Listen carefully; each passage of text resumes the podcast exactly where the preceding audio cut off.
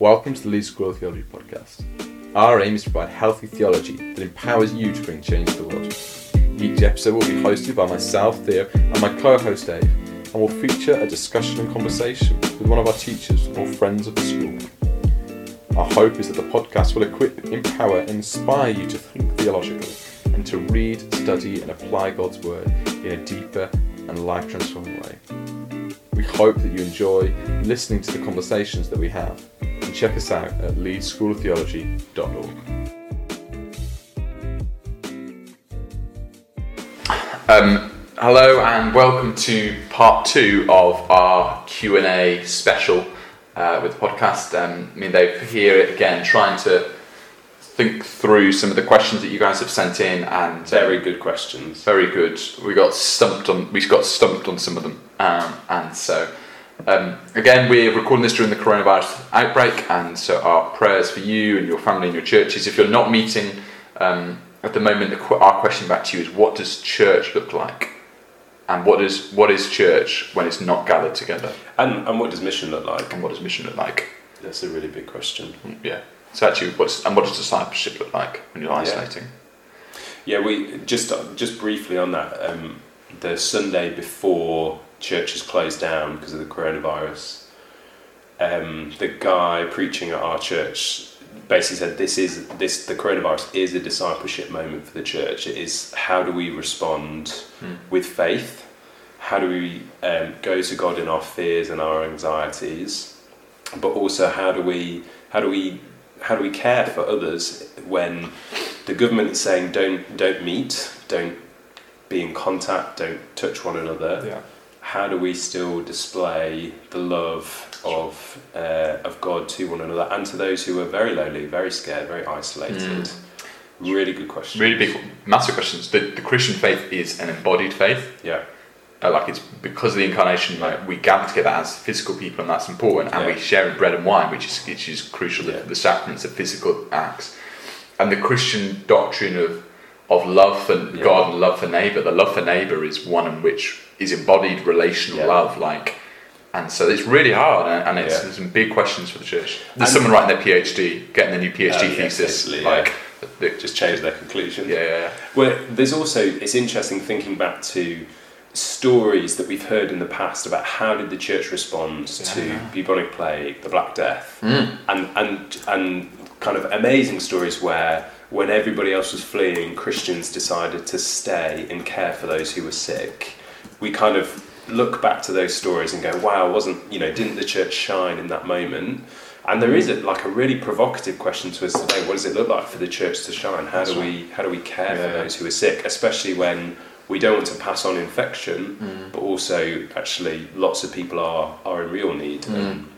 What what can we do to help them? Yeah, and that's the um, the, the classic one of this was the um, uh, the Emperor Julian and uh, a kind of ancient Roman emperor, and he's writing, and he's just he's just so confused by the um, uh, by the Christians. So he's he's like he's like the thing about these these impious Galileans, as he calls the early Christians, is that they support not only their own poor but ours as well. Mm. All men see that people are hate from us. He's like the Christians have shown us up, and they're they're embarrassing how good they are at caring for others. Yeah, And uh, what a challenge to us as the it's a church. huge challenge, isn't it?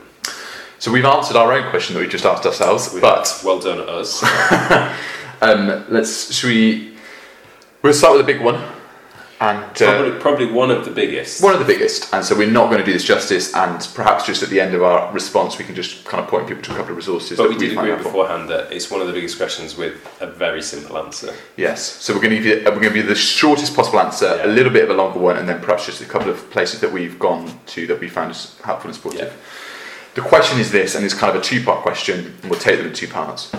Does God know the future, and does prayer change anything?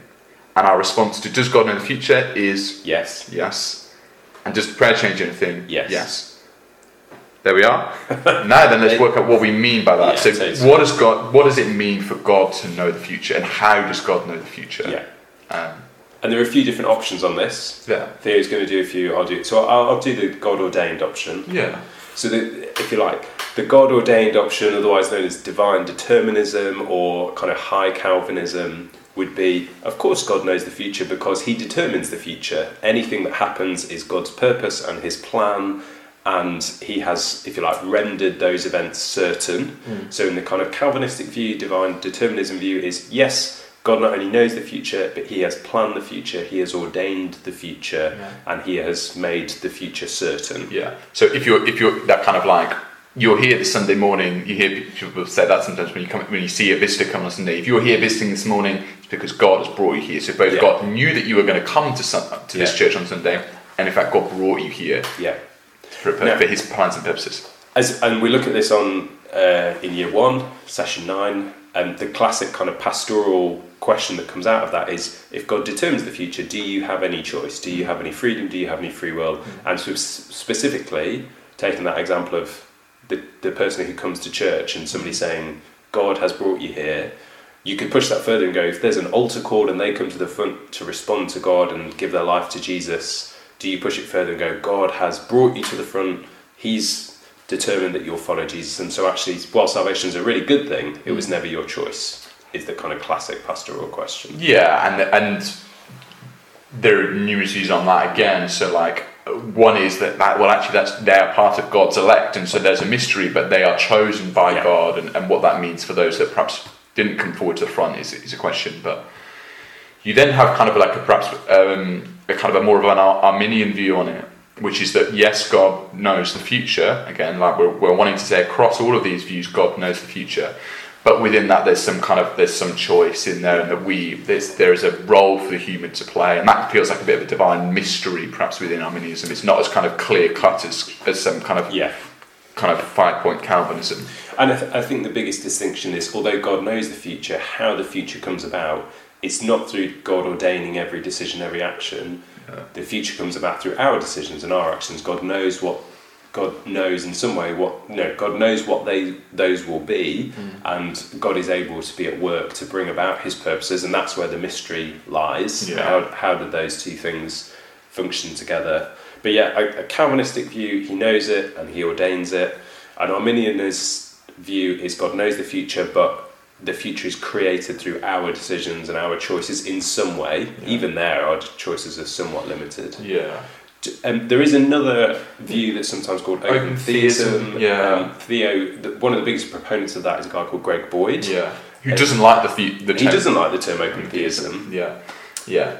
So in, he kind of the an analogy that he used once that I found quite helpful in understanding his view was a kind of um, um, was a, ch- a chess game, and so his kind of idea of the future. And um, if he ever if he ever listened, which he probably wouldn't to the School Theology podcast, Unlikely. he'd probably be like, But if you are, hi Greg, hope you're well. I I really appreciate some of your your thoughts.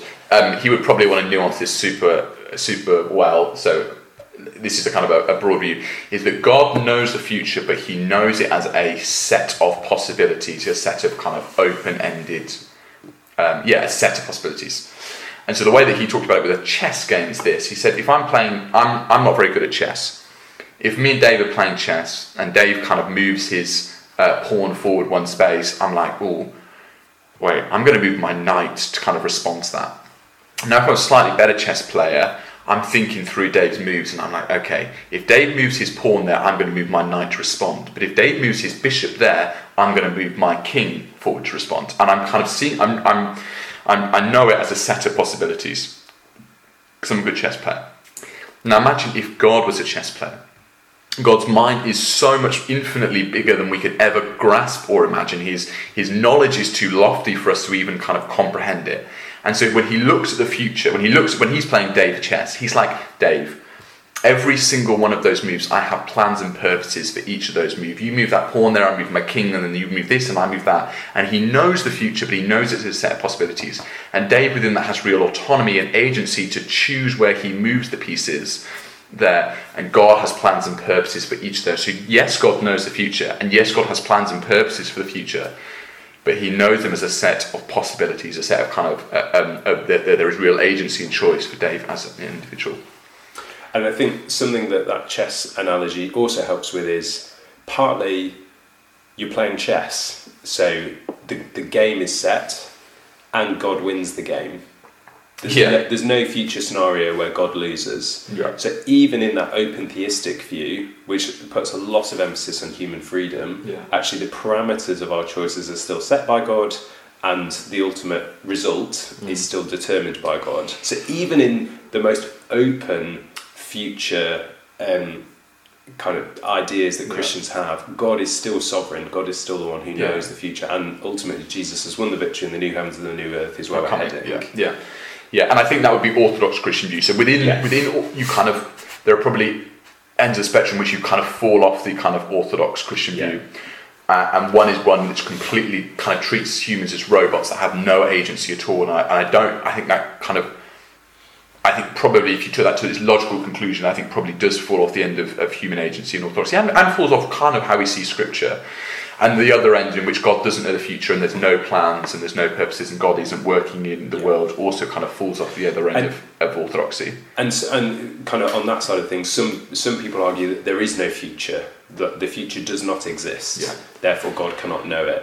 And the, the biggest downfall of that, of course, is all the prophetic literature Yeah. saying we're heading to the return of Christ and the, the new heavens and the new earth. God knows those two points, as it were.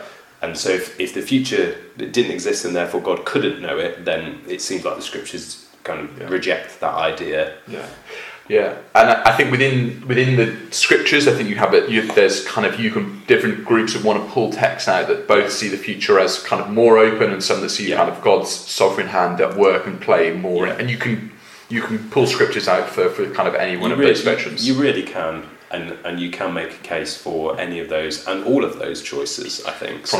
yeah. There is uh, we, you we don't want to punt to mystery, kind of just when we're not sure what the answers are, but there is definitely mystery here. There is. Yeah. We are trying to figure out the mind of God, Yeah. and and that is a, a a difficult task for us as mere mortals. Yeah. very difficult. And I think the other thing to say is is how do you live?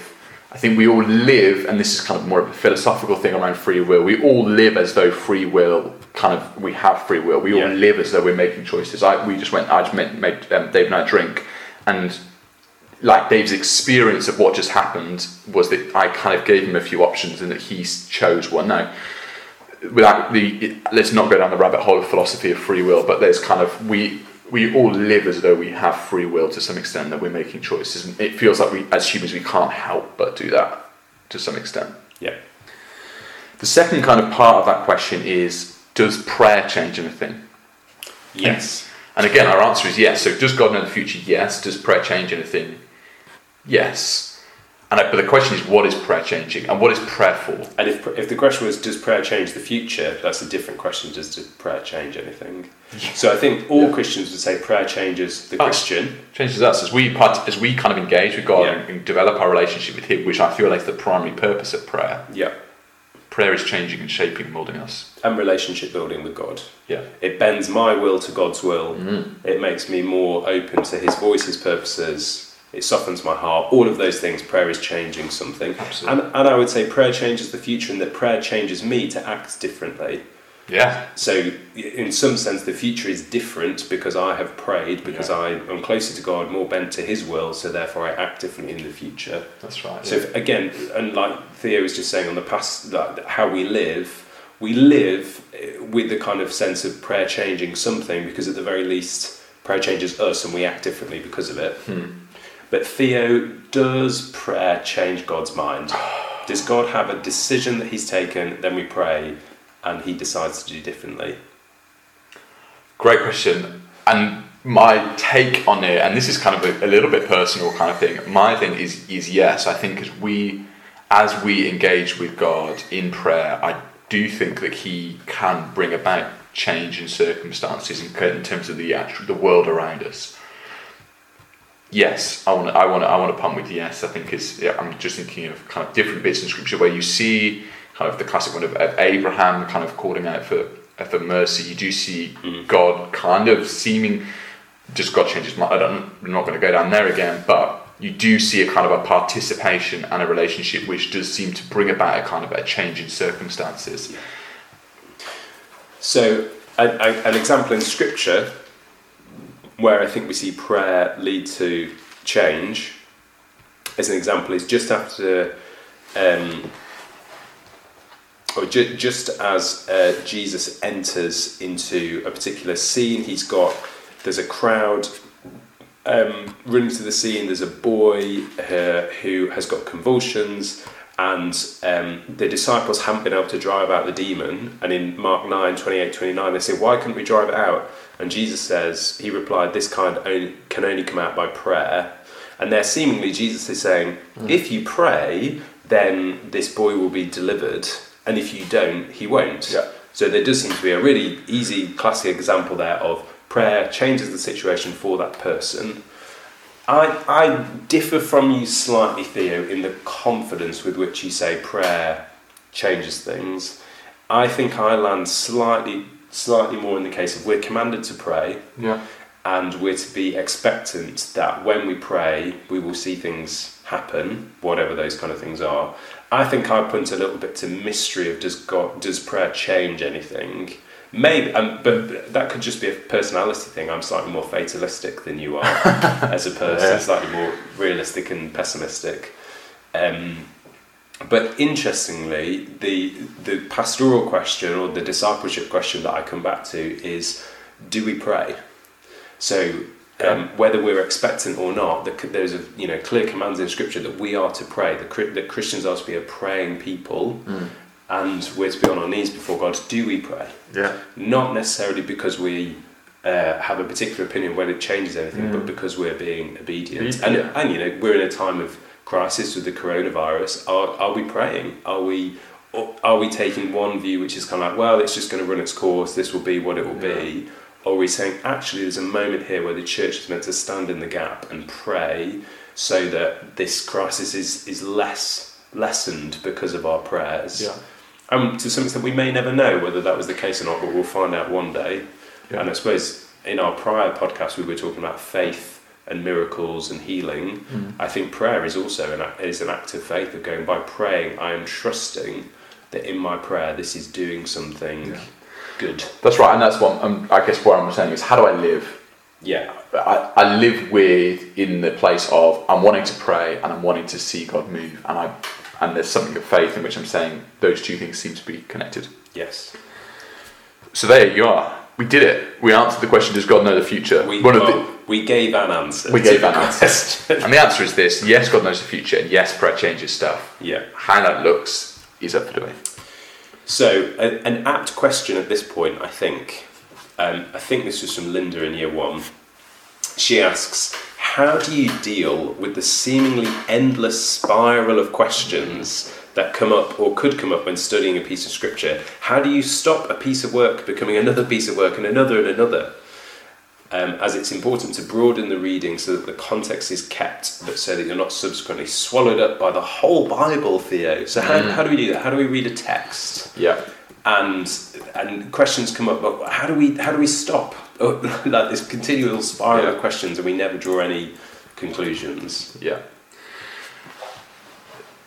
So I the probably the way I try and think about it. So the question, I guess, what I'm trying to do is is say when I come into Scripture, what am I trying to do? And at, at different points in my walk, walk with God, I'm trying to do different things. And so sometimes I'm reading Scripture and I'm reading it devotionally, and I'm wanting to, you know, kind of perhaps in, in the morning with God, I'm wanting to read Scripture. And maybe it's just the way that I'm wired as kind of thinking about theology, and obviously we're doing this for a kind of a work and we're studying. When I'm reading scripture in the morning, I'm not switching my brain off, that's not what I'm saying, but I'm reading scripture slightly differently than if I'm kind of doing some analytical study. Because actually, probably what isn't helpful for me in my relationship with God is, is okay, so, so I'm reading Mark 9 that we were just kind of referring to there in that previous question.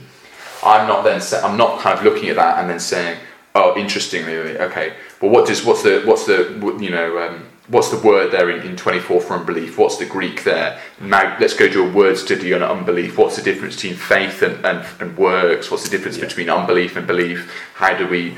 Let's go read some Josephus on faith. You know, you know what's second second i temple say Judaism? that so often. all the time. I'm not wanting to do that because I just don't think that's always helpful for us when we're when we're approaching scripture. And so actually, I'm I'm wanting to read this in a way, not switching my brain enough, not saying, not reading the text sensibly and contextually and closely, but I'm wanting to say, how do I come under scripture and how do I kind of come alongside scripture and allow scripture to change and shape me? And that sometimes doesn't involve going to go do loads of study and word study because otherwise we turn scripture into something that's just intellectual exercise and we're not we're not kind of saying how do I meet God in the scriptures. So that's kind of my first thing is, is, is there are times where actually I'm, I'm just going to not allow my brain to go down the rabbit hole because I just don't think I'm not asking that question of the scripture. The second one is then how do you how do you kind of cope with like how do you cope with loads of questions and then where where do you stop? And that's that feels like quite a personal thing. I think probably for me, as I'm wanting to just try and uh, I think just even as much as just answer one question at a time. And so one thing that we're trying to do when we're studying is we're wanting to ask a narrow question. Yeah. And so we're not And, trying. that, and that's what people always tell us. you. The, the more study you do, narrow the question, narrow the question, give it a key, like a focus. Yeah, and so when we were doing academic work, we're saying, okay, so say I'm doing a, some academic work on Mark 9, I might want to do a study on unbelief, but I probably don't then want to go down kind of um, analysing kind of, uh, you know, the, the, the uh, pistis debate in, in, Yeah. in Paul, because Yeah. that's just, it feels like another question that's Pistis, related. of course, being the Greek word for faith. So versus yeah, works. Yeah, yeah. And I'm not wanting to. I'm not wanting to just go down that rabbit hole. So I'm just asking a narrow question. So it's probably as much as anything. It's it, that's more of an academic answer. Is narrow questions probably end up with a Yeah. getting you to a better answer because you will always just ask another question. You can be like a child. You're like a child going why, Yeah. why, Yeah. why. But th- and that is interesting because that's how children learn. They learn both content and boundaries. Yeah, And I think that those two things are helpful. They learn knowledge of the world by asking why, why, why. But at some point, they would recognise there's a boundary beyond which they have to say, "Oh, well, I have to stop asking the why question." because actually it's not the question that I wanted to ask in the initial place. But it, what is fascinating is in kind of Jewish thought, like kind of Jewish commentaries on scripture, things like the Babylonian Talmud or the Mishnah. Hmm. It's, it is like loads of speculative questions Really, yeah. asked and given loads of detail, really detailed, varied answers. It's almost like part of their faith was we're going to ask every single one of these questions and we're going to have all these kind of answers. And so there is something kind of intrinsic to the Judeo-Christian faith, which is it's good to question. Absolutely. In, in a way that uh, I don't see so much in other faiths. There is an invitation to wrestle and explore, but at some point, we, for our own benefit, our own well-being, we probably Yeah. need to say, Yeah. for now, I'll curtail those questions or I'll park them. But uh, like in my own life, I feel like there are questions that I live with Yeah, yeah. And And, I- you circle back to you circle back to them, and Yeah. every kind of year or so, you circle back and go, I think I've got a slightly different view on this now. So we were just asking questions about God's sovereignty and freedom. Like over the last six or seven years, I've I've been all over the map on that one Yeah. and thought it through in different ways. And interesting in my own life, I feel like I'm probably eking back towards a slightly more higher view of God's sovereignty. Mm-hmm. But I imagine in a year's time, I'll probably be eking away again to more of a view of human freedom. And I just, I just know that's going to be the case because it's a question without an answer. And Yeah. so the only thing you can do is keep asking questions. And really want to encourage you for those of you who are kind of students of the school and engaging with this it's, it's okay to ask questions and it's okay to, to ask the question and be like i don't know the answer Yeah. but i want to go deeper and i want to know more and um, you know, but yeah I was talking to a student yesterday, and I was saying sometimes when somebody asks me, "Oh, what are you learning about at the moment?" yeah It's a frustrating question because I can't give like 10 points of knowledge that I've just gained. It's Yeah. more, in the last month, I've learned to ask a better question than I was asking a month ago. yeah. And sometimes theology is learning to ask a good question yeah totally. where, with, with an avenue you can run down rather than asking a bad question which you know doesn't lead anywhere. yeah that's good. Thanks dave. I hope that's helpful linda and um, yeah and others that are kind of asking those questions and starting to ask the big questions of, of faith and scripture and stuff Our next question is, I think actually, is a question I've never been asked, and nev- I haven't really thought about this one. Um, and this was a question: Should Christian uh, technologists be involved in growing or bioprinting artificial organs for transplants? And so, firstly, there were a number of words that I needed to Google in the question. But, it, but this is basically, it, to some extent, the broad picture of this is medical ethics. Yeah. What, what, what do we have permission to do as humans? yeah Um, I think most people would agree if you see somebody having a heart attack in the street, if you've got somebody who knows CPR, then you know that's Yeah, that's not a bad idea to jump in and do CPR because you might save that person's life. Mm-hmm. But but we also know huge ethical questions Mm. where stem cell research or even something that's a bit more close to home for a lot of people, IVF treatments, like those those are real big Mm. ethical questions of of what permission do we have as as God's Yeah. God's creatures, but also God's creative beings to, to engage in in medical kind of ethics and um, and you know things like gene splicing that could cut out lots of diseases in the future. But we also know um, there's a you know there's a big push to eradicate people with Down syndrome um, in the world today. So this is this is both a technical medical question. Yeah. Which neither of us are medical ethics. And we are not medical ethicists No. or, or medically trained in any way, although I have a lapsed first aid certificate. so very good, very good though. uh, I can give you l- kind of outdated CPR theory if you collapse. Um, but also there are questions of human, uh, of anthropology. What it does it mean to be human? What does it mean to live Mm. under uh, the lordship of, of Jesus? Yeah. So Theo, you've you've given this a little bit of thought. A little bit, a little bit. Do you want to kick us off with an attempt at framing yeah, the I, answer? I- yeah, I probably want to do more of that frame of the answer rather than the kind of the specifics. For some of you, you may be you may be involved in this, and so I'll try and give you some ideas of how you would think through it. But you're probably in a better place to it. For others of you, you'd be like, I'm never going to think through this question, but I do think through ethical decisions in my day-to-day life, and so. Broadly, I think there are three, or we talk about three different approaches to kind of ethical debates, and I'll try and use them to talk about this. So, the first one is probably what's called de- deontological ethics, which is kind of that there are rights and wrongs, and our kind of responsibility is to find the right answer or the wrong answer.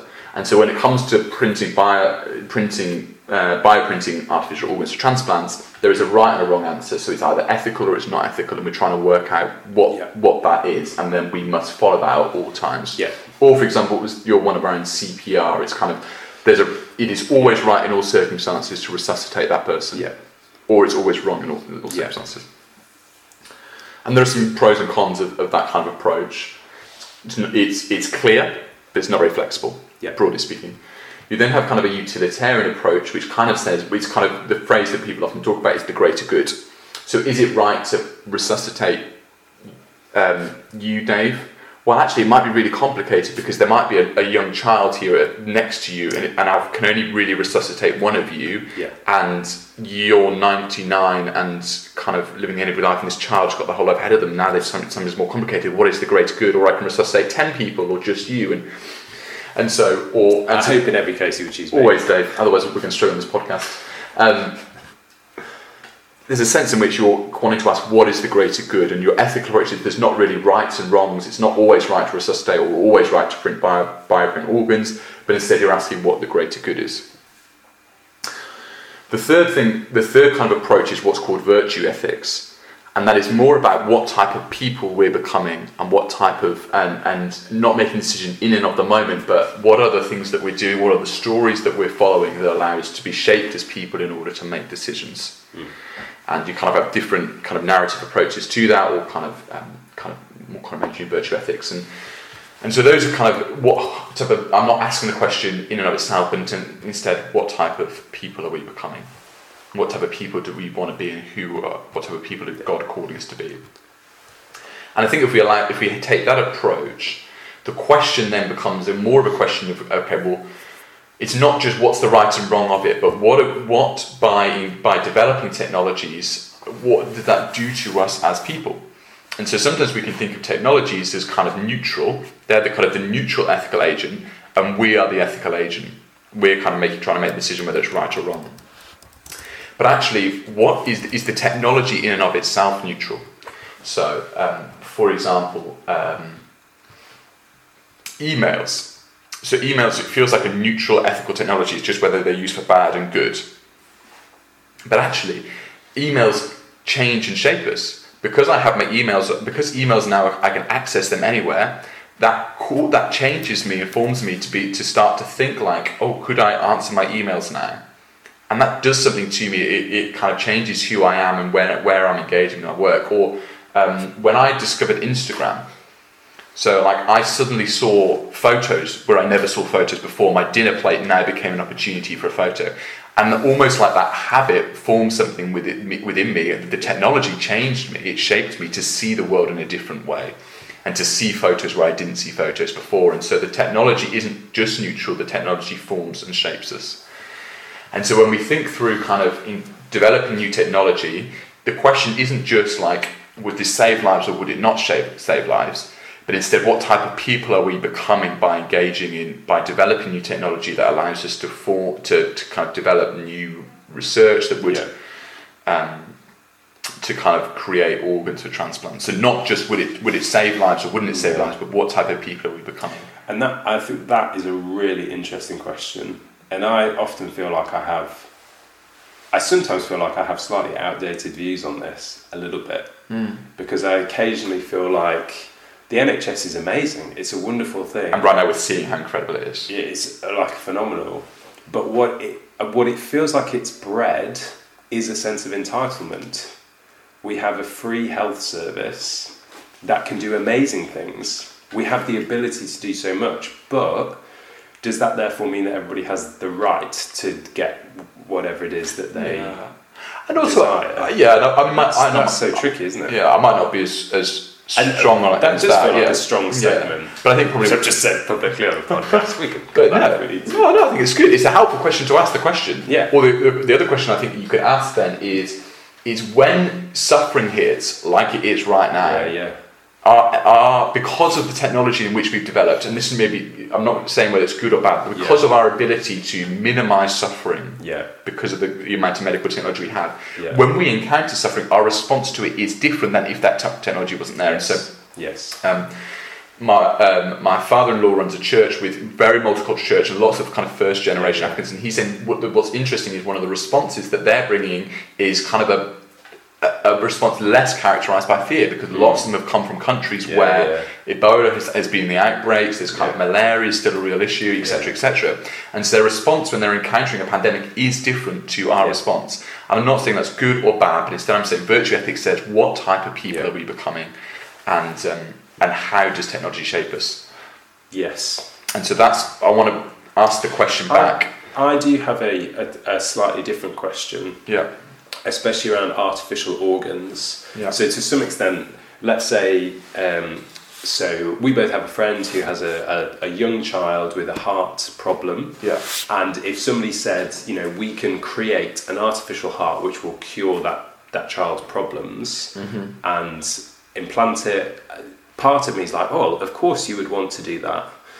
Um, and but there's another part of me is that how have we made that heart? Yeah. And my kind of very rudimentary understanding is we make it through utilizing um, other other kind of living tissue, Yeah. whatever that whatever that is. And so there's a there's an ethical question there of where does our remit to create yeah. Come from come from and where does it end? And that is a slightly thinking of those ethical categories. That's a slightly more deontological Totally. question. Are there limits to what we should do as humans? Are, is there a point at which we say, um, let's say for an el- for an elderly person, is it you know, do we say actually yes we have the ability to keep you alive, but whether whether we should or not is a different question, or the question at the other end of we have the ability to do something for this two-year-old, but to do that means we need Yeah. to yeah. And I, my, Utilise living tissue my understanding of my understanding of bioprinting is that it, it there's same issues around stem cell Yes, around stem cell research yeah. and stuff and where they, where those where those cells have come from. The same ethical debates, which is a well trodden path. yeah. Uh, But I think, but I think your question of who are we becoming is a really good one. It's like, who are we becoming as as humanity? And and you even get this in kind of the question of, should should humanity become a race where you can decide the hair color, eye color, height, weight, yeah, sex of your baby by doing gene splicing as opposed to kind of just just receiving as as gift whatever baby you you receive? And I think there is a, a fundamental question there of oh, uh, how how do we maintain our status as creature not creator? We're, Yeah. we're not God. Yeah, And so, is it actually healthy for us to place restrictions upon ourselves? Mm. Because that helps us remind, be reminded that ultimately I am creature Yeah. rather than creator. Yeah, totally. And so I think, yeah, I think what I want to say is technology isn't just neutral. Technology forms and shapes us, and technology forms and shapes the type of people that we're becoming. And so the question is, who do we want to be, and who do we feel that God is calling us to be, and then allowing that to kind of reshape the question of, Yeah. and then engage with all the ethical questions of, is this right or wrong? Yeah. Okay, we are uh, going to curtail, stop this podcast at that point. Um, hope that proves of interest. I hope that's kind of sparked your thoughts on some things. We are going to uh, have one more of these Q and A podcasts because we still haven't got through all the questions yet. So um, in a week or so, or in a, in a little while, we'll release um, another Q and A podcast. And when social isolation has finished, we hopefully will be back face to face with somebody we can actually interview. um, in the meantime, we keep praying that uh, God would be with those who are sick, those who are anxious would know His peace, and yeah, just return to those questions we began with. What does it look like to be church? What does it look like to be discipling one another and loving those who are vulnerable? Let's keep asking that question and expecting to be hearing God and what He has to say. Until the next time, have a blessed week.